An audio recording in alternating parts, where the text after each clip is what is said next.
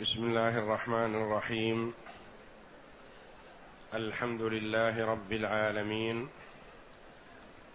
والصلاة والسلام على نبينا محمد وعلى آله وصحبه أجمعين. وبعد.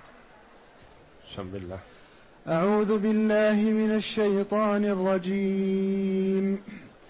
ويوم ينفخ في الصور ففزع من في السماوات ومن في الأرض إلا من شاء الله وكل أتوه داخرين وترى الجبال تحسبها جامدة وهي تمر مر السحاب صنع الله الذي أتقن كل شيء إنه خبير بما تفعلون.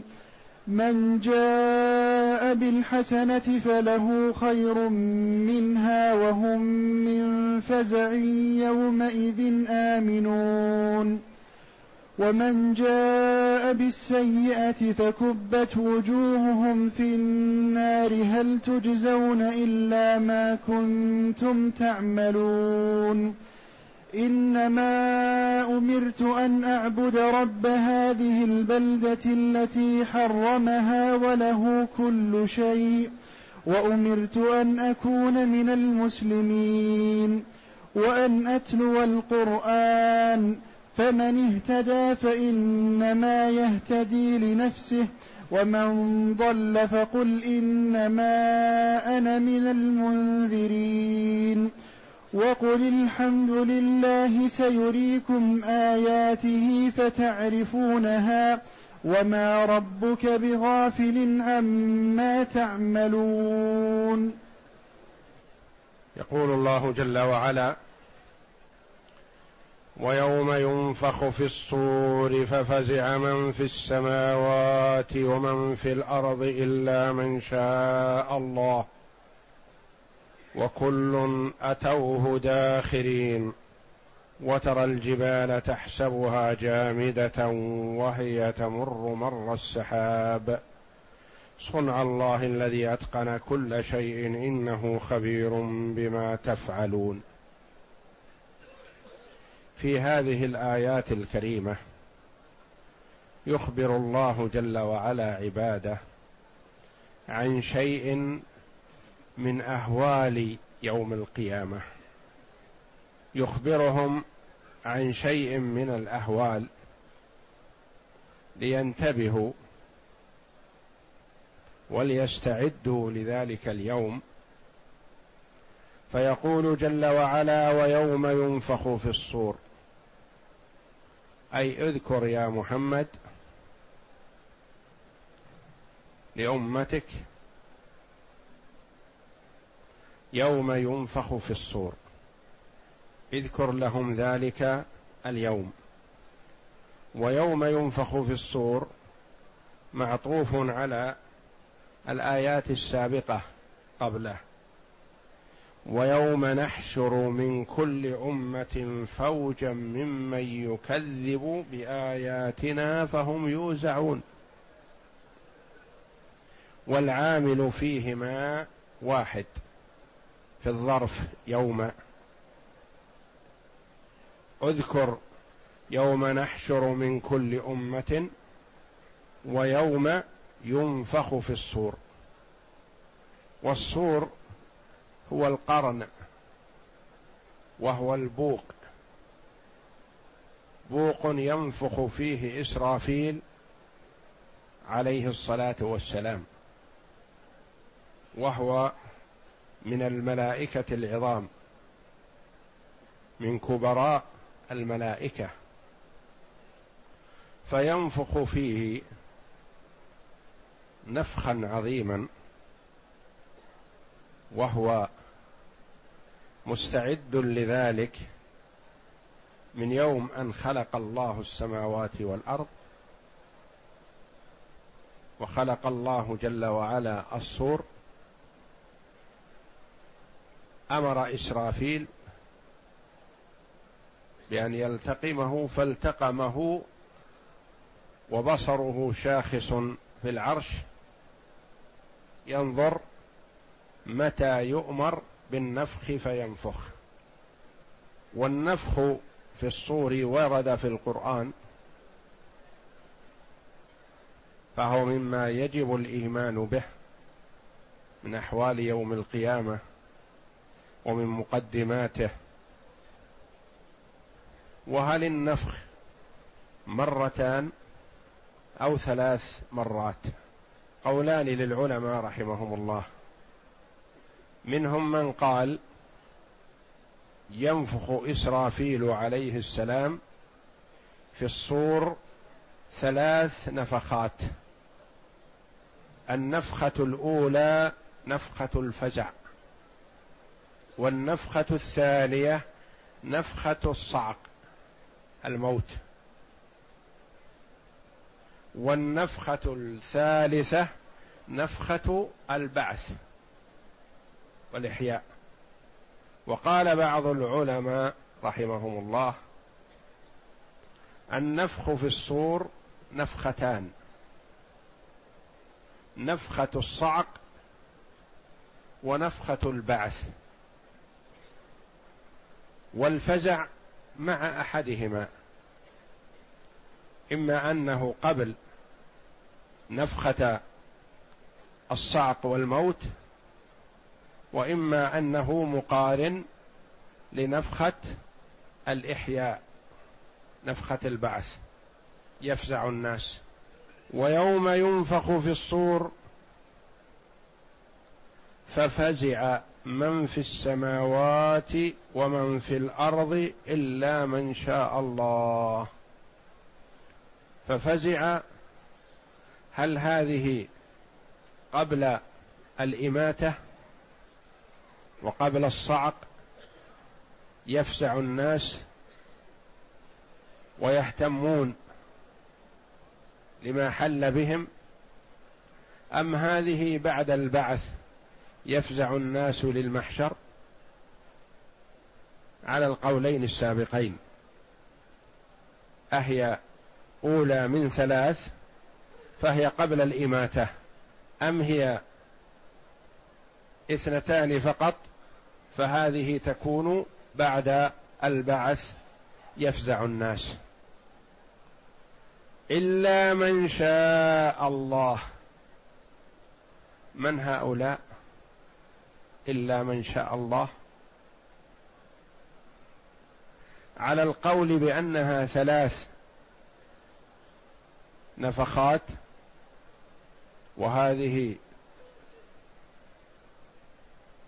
قبل نفخة الصعق قبل نفخة الموت ما يكون فيه أحياء من الأخيار سوى الملائكة والشهداء الذين قتلوا في سبيل الله شهداء لأنهم أحياء عند ربهم يرزقون. فقيل إلا من شاء الله أي المراد هؤلاء الشهداء مع الملائكة. فهؤلاء لا يفزعون. وعند من يقول إن الفزع عند البعث فيقول إلا من شاء الله من الملائكة والنبيين والمرسلين والمؤمنين مع الشهداء.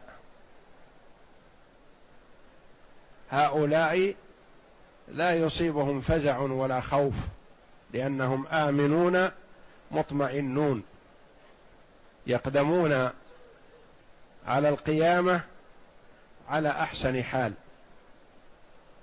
ويقوي القول بأن الفزع هذا قبل الصعق قبل الموت. ما ثبت في صحيح مسلم رحمه الله وهو حديث طويل. عن النبي صلى الله عليه وسلم قال فيبقى شرار الناس في آخر الزمان.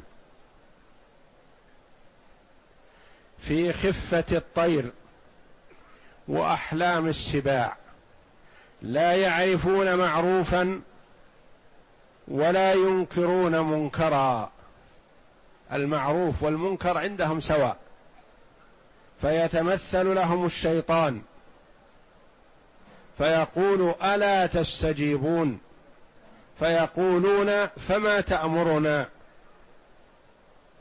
فيأمرهم بعبادة الأوثان وهم في ذلك دار رزقهم حسن عيشهم يعني في نعمة.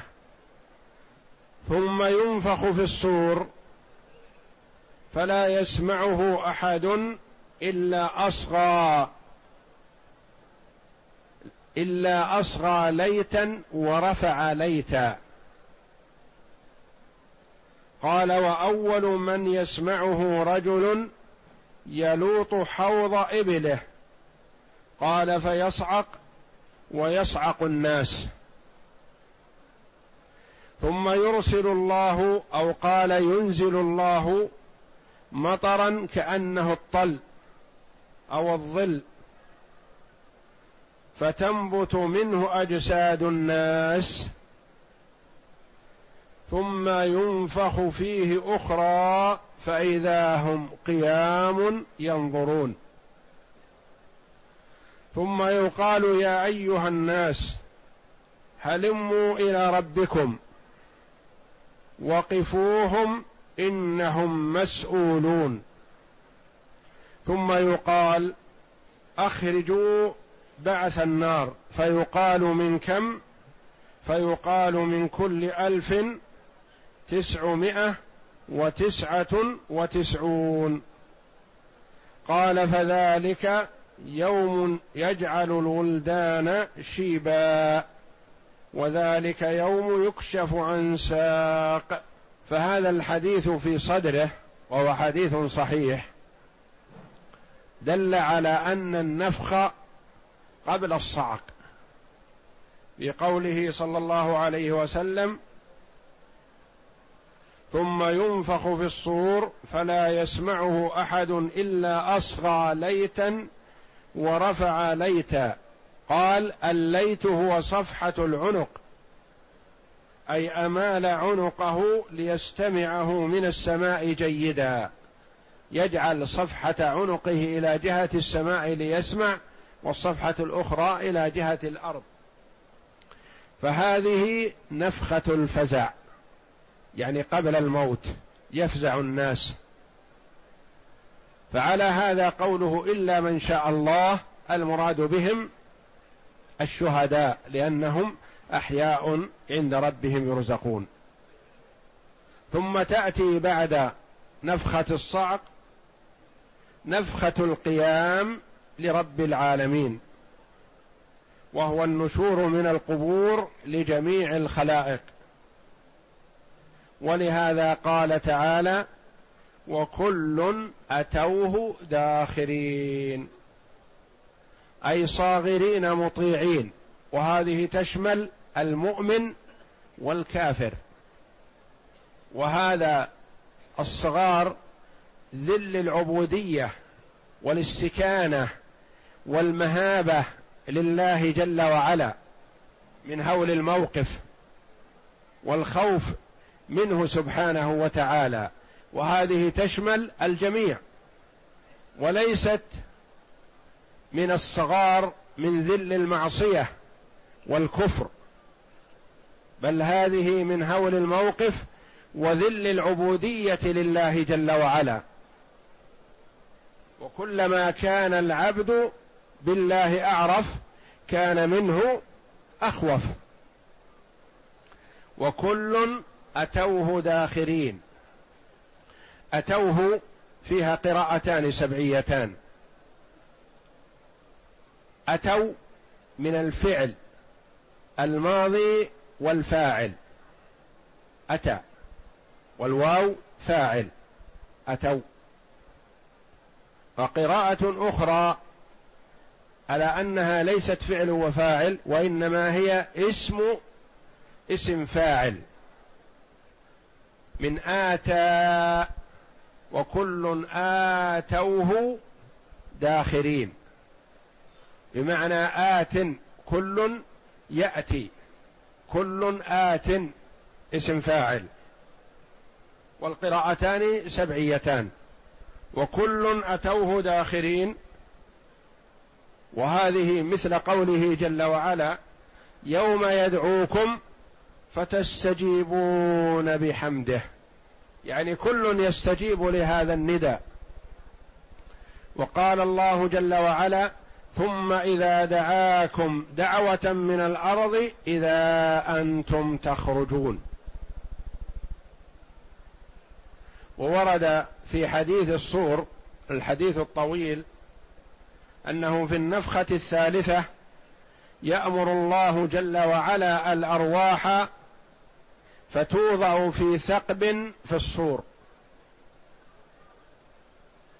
ثم ينفخ إسرافيل فيه بعدما تنبت الأجساد في قبورها وأماكنها. فإذا نفخ في الصور طارت الأرواح تتوهج. أرواح المؤمنين نورا. تتوهج أرواح المؤمنين نورا. وأرواح الكافرين ظلمة والعياذ بالله. فيقول الله عز وجل وعزتي وجلالي لترجعن كل روح إلى جسدها فتجيء الأرواح إلى أجسادها فتدب فيها كما يدب السم في اللديغ. ثم يقومون ينفضون التراب من قبورهم. قال الله جل وعلا يوم يخرجون من الأجداث سراعا كأنهم إلى نصب يوفضون. وترى الجبال تحسبها جامدة وهي تمر مر السحاب. في ذلك الموقف والهول العظيم. ترى الجبال وتظنها واقفة جامدة لا تتحرك وهي تسير سيرا سريعا. وهكذا الشيء الذي تراه من بعد وهو شيء عظيم.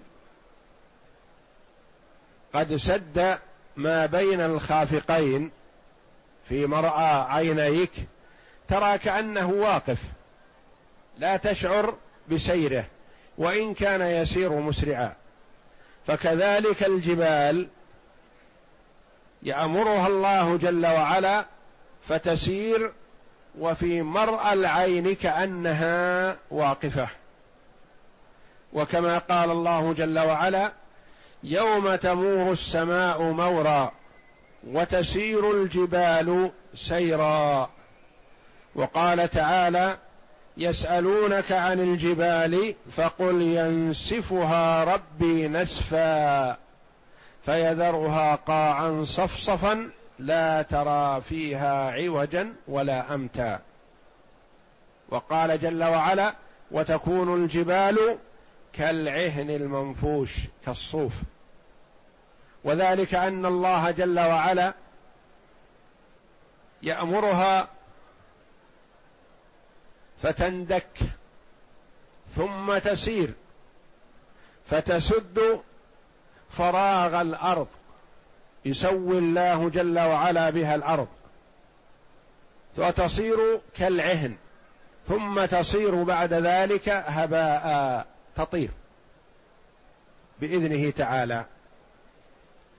وترى الجبال تحسبها جامدة وهي تمر مر السحاب. يعني تسري وتجري وتمشي كجري السحاب الذي يرى بالبصر. وترى هذه بصرية. وليست من العلمية لأن العلمية تنصب مفعولين وهذه نصبت مفعولا واحدا. صنع الله الذي أتقن كل شيء إنه خبير بما تفعلون. صنع الله. ذلك الصنع صنع الله جل وعلا الذي أتقن وأحكم كل شيء خلقه. أتقن الأمور جل وعلا فلا يوجد فيها خلل ولا نقص ولا عيب. صنع الله الذي أتقن كل شيء إنه خبير بما تفعلون مطلع على أعمالكم. إنه خبير بما تفعلون. وفيها قراءة أخرى بما يفعلون. فقراءة التاء تفعلون وعد ووعيد. وقراءة الياء وعيد فقط. قراءة التاء وعد ووعيد وعد للمؤمنين. فالله مطلع على أعمالكم لن يضيع منها شيء أبدا. ووعيد للكفار بأن الله جل وعلا مطلع على أعمالهم السيئة فلن يغفل منها شيء. من جاء بالحسنة فله خير منها. وهم من فزع يومئذ آمنون.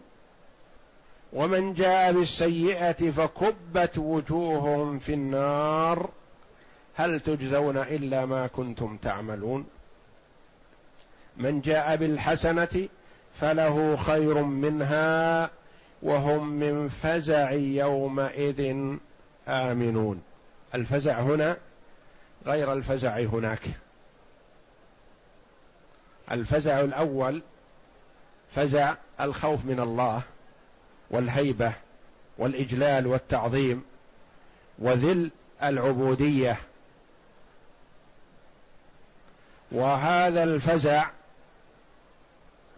فزع خاص بالكفار لأنهم يشاهدون ما أمامهم ويرون العذاب ويرون كيف يحشرون وكيف يحشر أولئك الأخيار. من جاء بالحسنة فله خير منها. ما المراد بالحسنة؟ جمهور المفسرين يقول الحسنة التوحيد شهادة أن لا إله إلا الله وأن محمدا رسول الله. قال بعضهم الأعمال الصالحة ولا منافاة فمن جاء بلا إله إلا الله محمد رسول الله محققا لها فقد جاء بالأعمال الصالحة. من جاء بالحسنة فله خير منها. فله خير منها. ما هو الذي خير منها؟ من جاء بالحسنة فله خير منها. الجنة ورضا الله جل وعلا. وهل الجنة خير من توحيد الله جل وعلا؟ شهادة أن لا إله إلا الله وأن محمد رسول الله لا يعدلها شيء. اذا فما معنى فله خير منها؟ قال ابن عباس رضي الله عنه حبر هذه الأمة وترجمان القرآن فله خير عظيم منها يعني بسببها. وليس المراد بخير أفعل تفضيل له أفضل منها لا بل له خير وثواب جزيل وهو الجنة وذلك خير عظيم. من أين جاءه ذلك؟ بسببها بسبب الحسنة التي جاء بها كلمة التوحيد. شهادة لا إله إلا الله وأن محمدا رسول الله. ليقول رضي الله عنه إن كلمة التوحيد ليس هناك شيء خير أفضل منها. وإنما هذا الذي جاء بالحسنة له خير عظيم بسببها بسبب كلمة التوحيد. وقيل قال بعض المفسرين كلمة خير أفعل تفضيل. وليس المراد المفاضلة بين كلمة التوحيد والجنة. لا.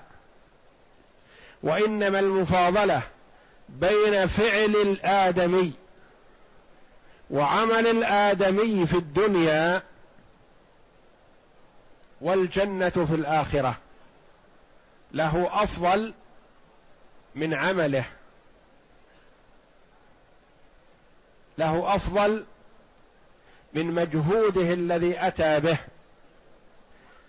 من جاء بالحسنة فله خير منها وهم من فزع يومئذ آمنون.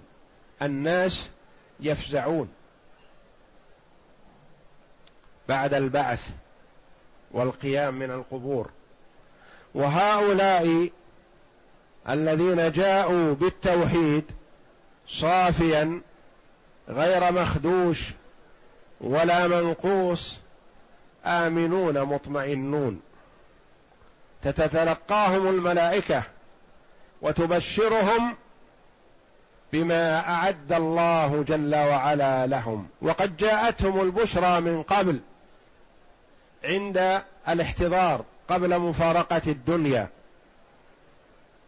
ثم جاءتهم البشرى في القبر وأري مقعده من النار ومقعده من الجنة. وقيل هذا مقعدك من النار لو لم تؤمن.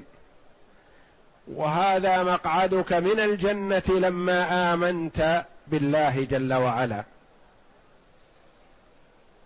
ثم تأتيهم البشرى بعد البعث.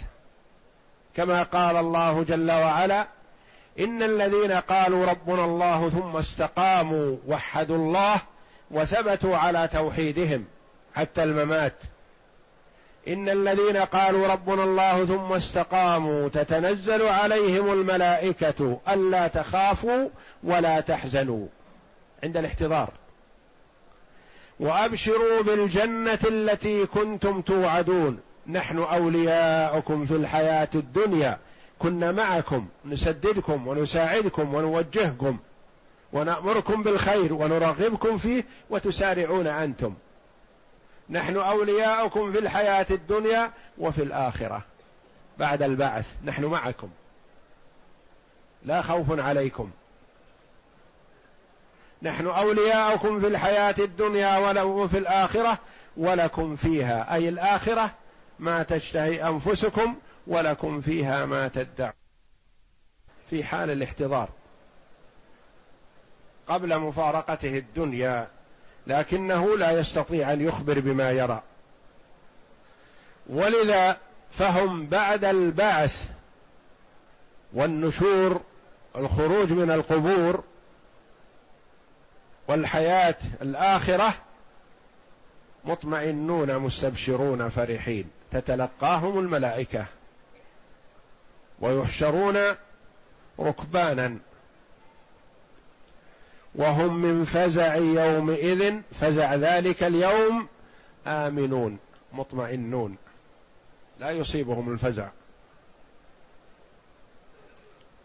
كما قال الله جل وعلا لا يحزنهم الفزع الأكبر. وقال تعالى أفمن يلقى في النار خير أم من يأتي آمنا يوم القيامة اعملوا ما شئتم إنه بما تعملون بصير. قارن بين الحالين شتان بينهما. وقال جل وعلا وهم في الغرفات آمنون مطمئنون. ومن جاء بالسيئة فكبت وجوههم في النار. أعوذ بالله. من جاء بالسيئة ما المراد بهذه السيئة؟ أي معصية من المعاصي؟ لا. الذين يكبون في النار على وجوههم ويخلدون فيها هؤلاء الكفار. اذا من جاء بالسيئة المراد بها الشرك. أعظم الذنوب وأكبرها الشرك بالله. ومن جاء بالسيئات فكبت وجوههم في النار. لا يدخلون هكذا والعياذ بالله يكب على وجهه. كب على الوجه سقوط على الوجه والعياذ بالله. احتقارا وامتهانا لهم وتوبيخا. فكبت وجوههم في النار. ثم يقال لهم هل تجزون إلا ما كنتم تعملون. هذا عملكم. هذا الذي تنالونه الآن هو عملكم السابق. لأنكم أشركتم بالله. دعيتم إلى توحيد الله. فلم تستجيبوا. دعيتم إلى الإيمان بالله وملائكته وكتبه ورسله واليوم الآخر. وبالقدر خيره وشره فكفرتم ولم تستجيبوا. فهذا عملكم. فمن يعمل مثقال ذرة خيرا يره ومن يعمل مثقال ذرة شرا يره. هل تجزون؟ يعني ما تجزون إلا ما كنتم تعملون. هذا جزاء عملكم فقط. ولم تجزوا بعمل غيركم. ثم أمر الله جل وعلا عبده ورسوله نبينا محمدا صلى الله عليه وسلم بأن يقول للناس إنما أمرت أن أعبد رب هذه البلدة الذي حرمها. إنما أمرت أمرت بشيء واحد. مهم. أساسي. أمرت بعبادة الله جل وعلا. وما سوى ذلك يأتي تبع. أمرت بإخلاص العبادة لله وحده. إنما أمرت أن أعبد رب هذه البلدة. ما المراد بالبلدة؟ هي هذه مكة شرفها الله. وذلك تشريف لهذه البلدة. الإضافة هذه إضافة تشريف. وإلا فالله جل وعلا رب العالمين رب الخلق رب الكائنات كلها تعالى. وإنما الإضافة هذه إضافة تشريف. إنما أمرت أن أعبد رب هذه البلدة وهو الله سبحانه وتعالى. الذي حرمها شرفها الله جل وعلا بأن حرمها. لا يسفك فيها دم ولا يعضد فيها شجر ولا شوك ولا تلتقط فيها اللقطة. حرمها الله جل وعلا. فكانت معظمة في الجاهلية والإسلام. يلقى الرجل في الجاهلية قاتل أبيه وقاتل أخيه في مكة فلا يمد عليه يدا.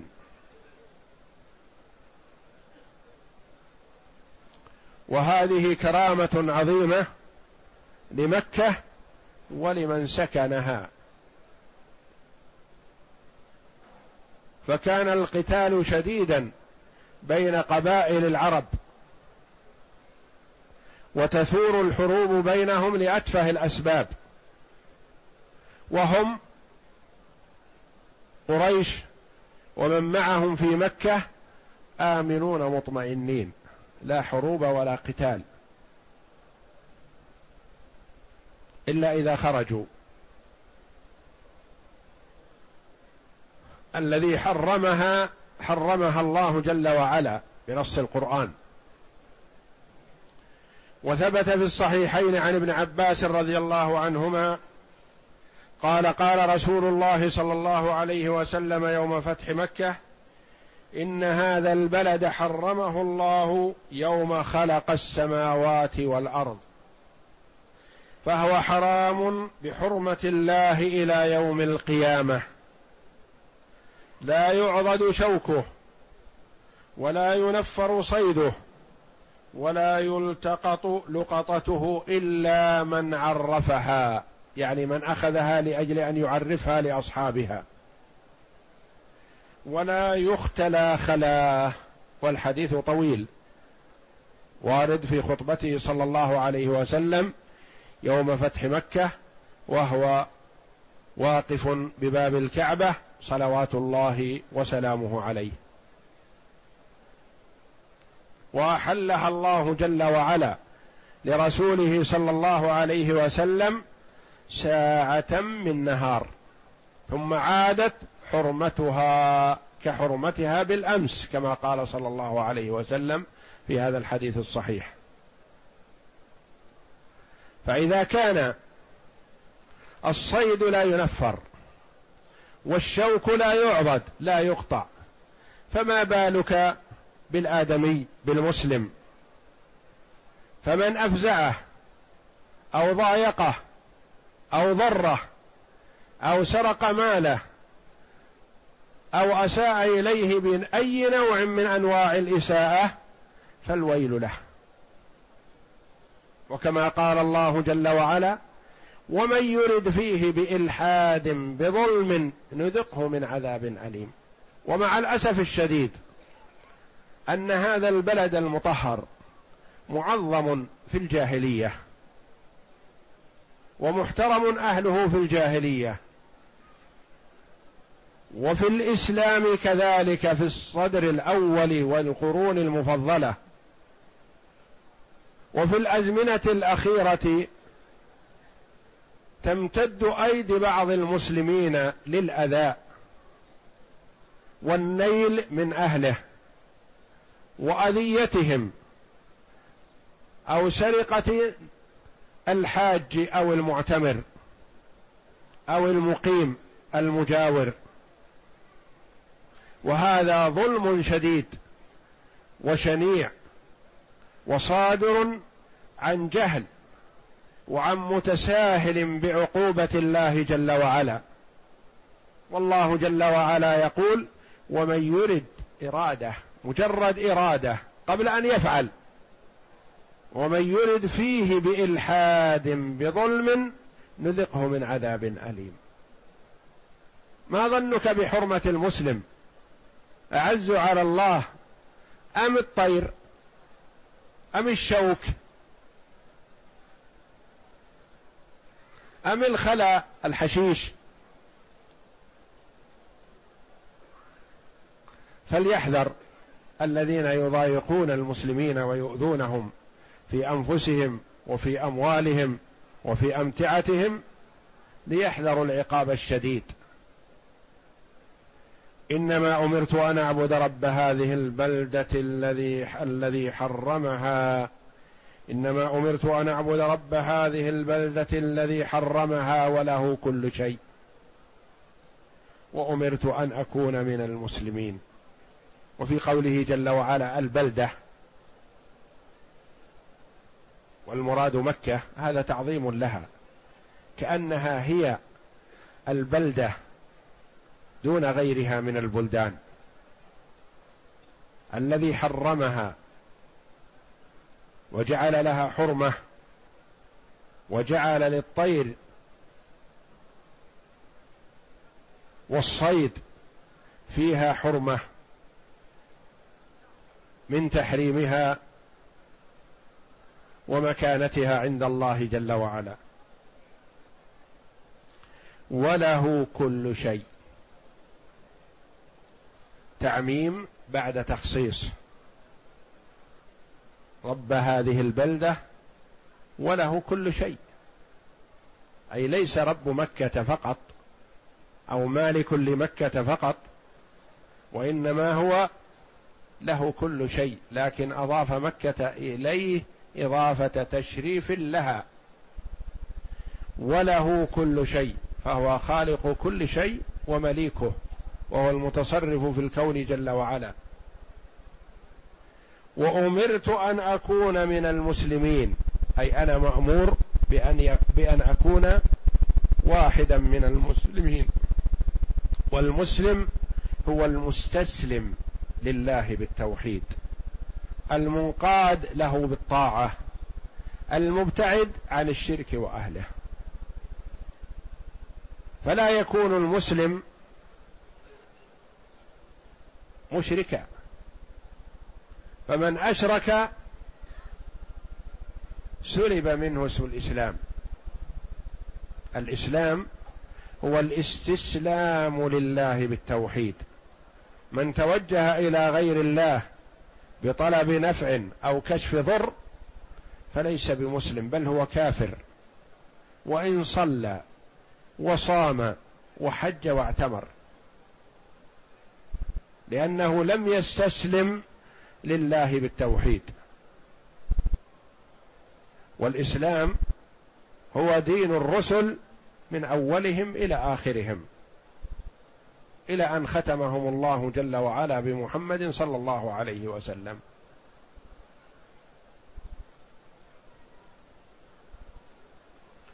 وأمرت أن أكون من المسلمين وأن أتلو القرآن.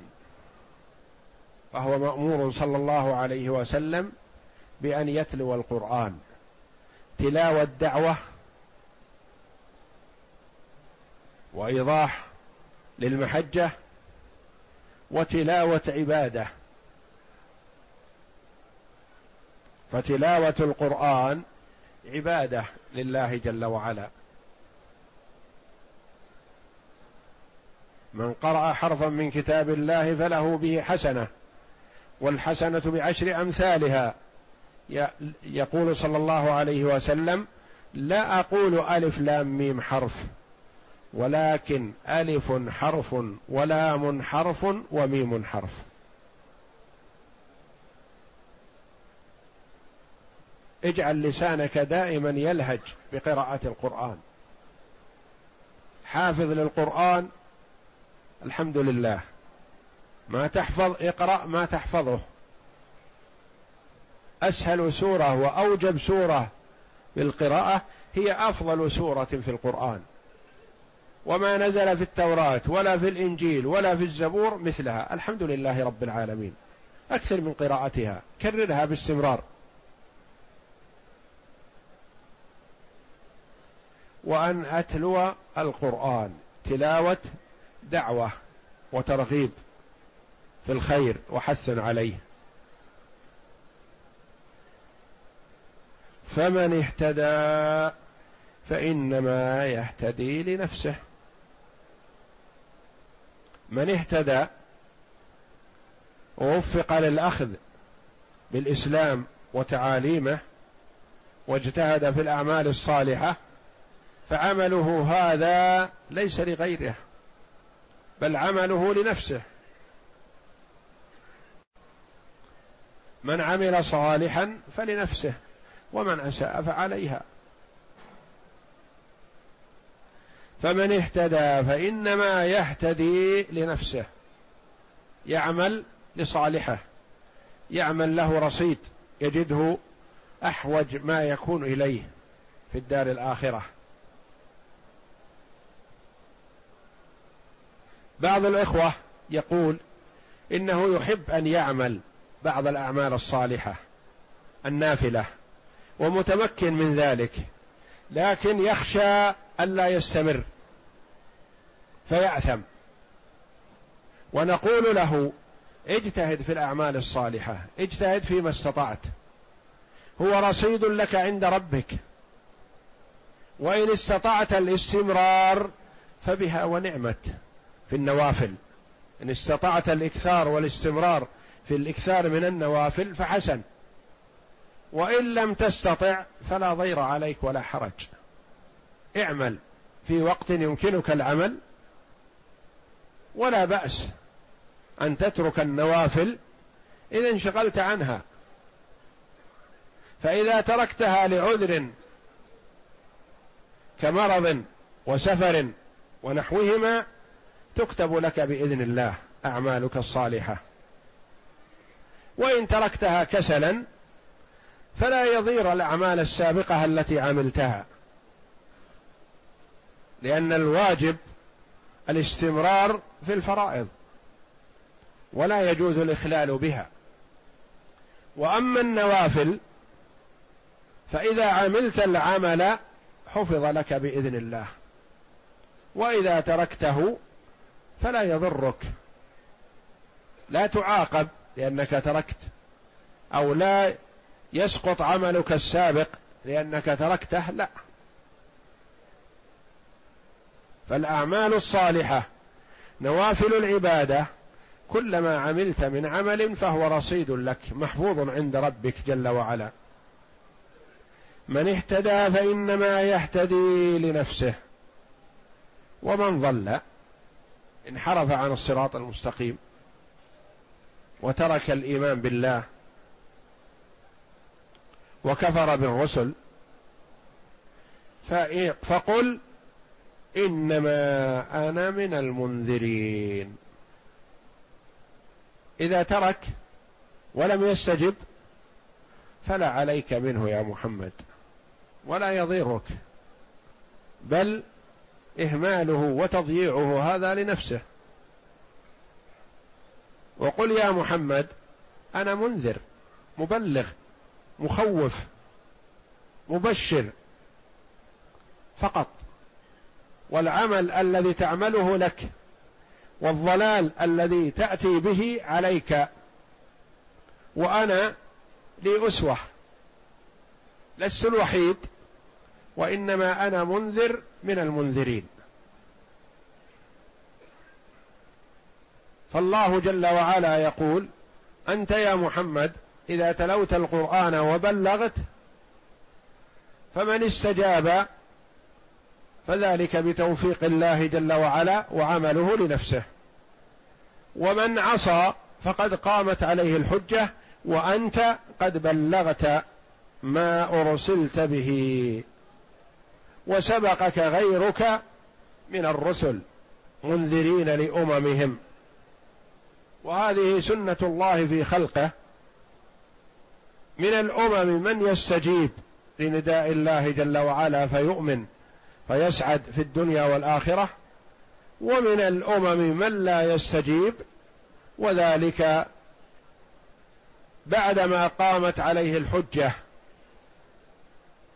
ووضحت له المحجة فأعرض وتنكب عن الصراط المستقيم. فخسر الدنيا والآخرة والعياذ بالله. وقل الحمد لله سيريكم آياته فتعرفونها وما ربك بغافل عما تعملون. أمر من الله جل وعلا لعبده ورسوله صلى الله عليه وسلم ويتبعه أمته في ذلك في أن يحمدوا الله جل وعلا دائما وأبدا ويحمدوه على أن أراهم الآيات الواضحة والبراهين الساطعة على صدق الرسل وأراهم المحجة. وكما قال صلى الله عليه وسلم تركتكم على المحجة البيضاء ليلها كنهارها لا يزيغ عنها إلا هالك. أراهم السبيل وبين لهم الدليل. وقل الحمد لله. سيريكم آياته فتعرفونها. الله جل وعلا أقام الحجة على الخلق وأظهر الأدلة فهي بينة واضحة. فمن كان قصده الحق اتبع واهتدى ومن كان معاندا فلا يلوم إلا نفسه فهو لا يضير الله جل وعلا شيئا وإنما يضير نفسه. كما قال الله جل وعلا سنريهم آياتنا في الآفاق وفي أنفسهم حتى يتبين لهم الحق. حتى يتبين لهم أنه الحق. حتى يظهر وقد ظهر وبان والحمد لله. وما ربك بغافل عما تعملون. بل هو شهيد على أعمالكم وهذه فيها قراءتان. وما ربك بغافل عما تعملون وما ربك بغافل عما يعملون بالياء والتاء. وإذا قرات بالتاء ففيها وعد ووعيد. وإذا قرات بالياء فهي وعيد للكافرين. وما ربك بغافل عما تعملون أيها الخلق. فالمؤمن يعمل ويجتهد ويعمل في الأعمال الصالحة لأن الله جل وعلا مطلع عليه وليبشر. ودرجة الإحسان التي أعلى الصفات التي يمكن أن يتصف بها المؤمن أن تعبد الله كأنك تراه. فإن لم تكن تراه فإنه يراك جل وعلا. وما ربك بغافل عما تعملون. لا تخفى عليه خافية من أعمالكم. وما ربك بغافل عما يعملون أي الكفار هؤلاء الذين ضلوا. ففيها وعيد بأن الله جل وعلا مطلع على أعمالهم وسيجازيهم عليها.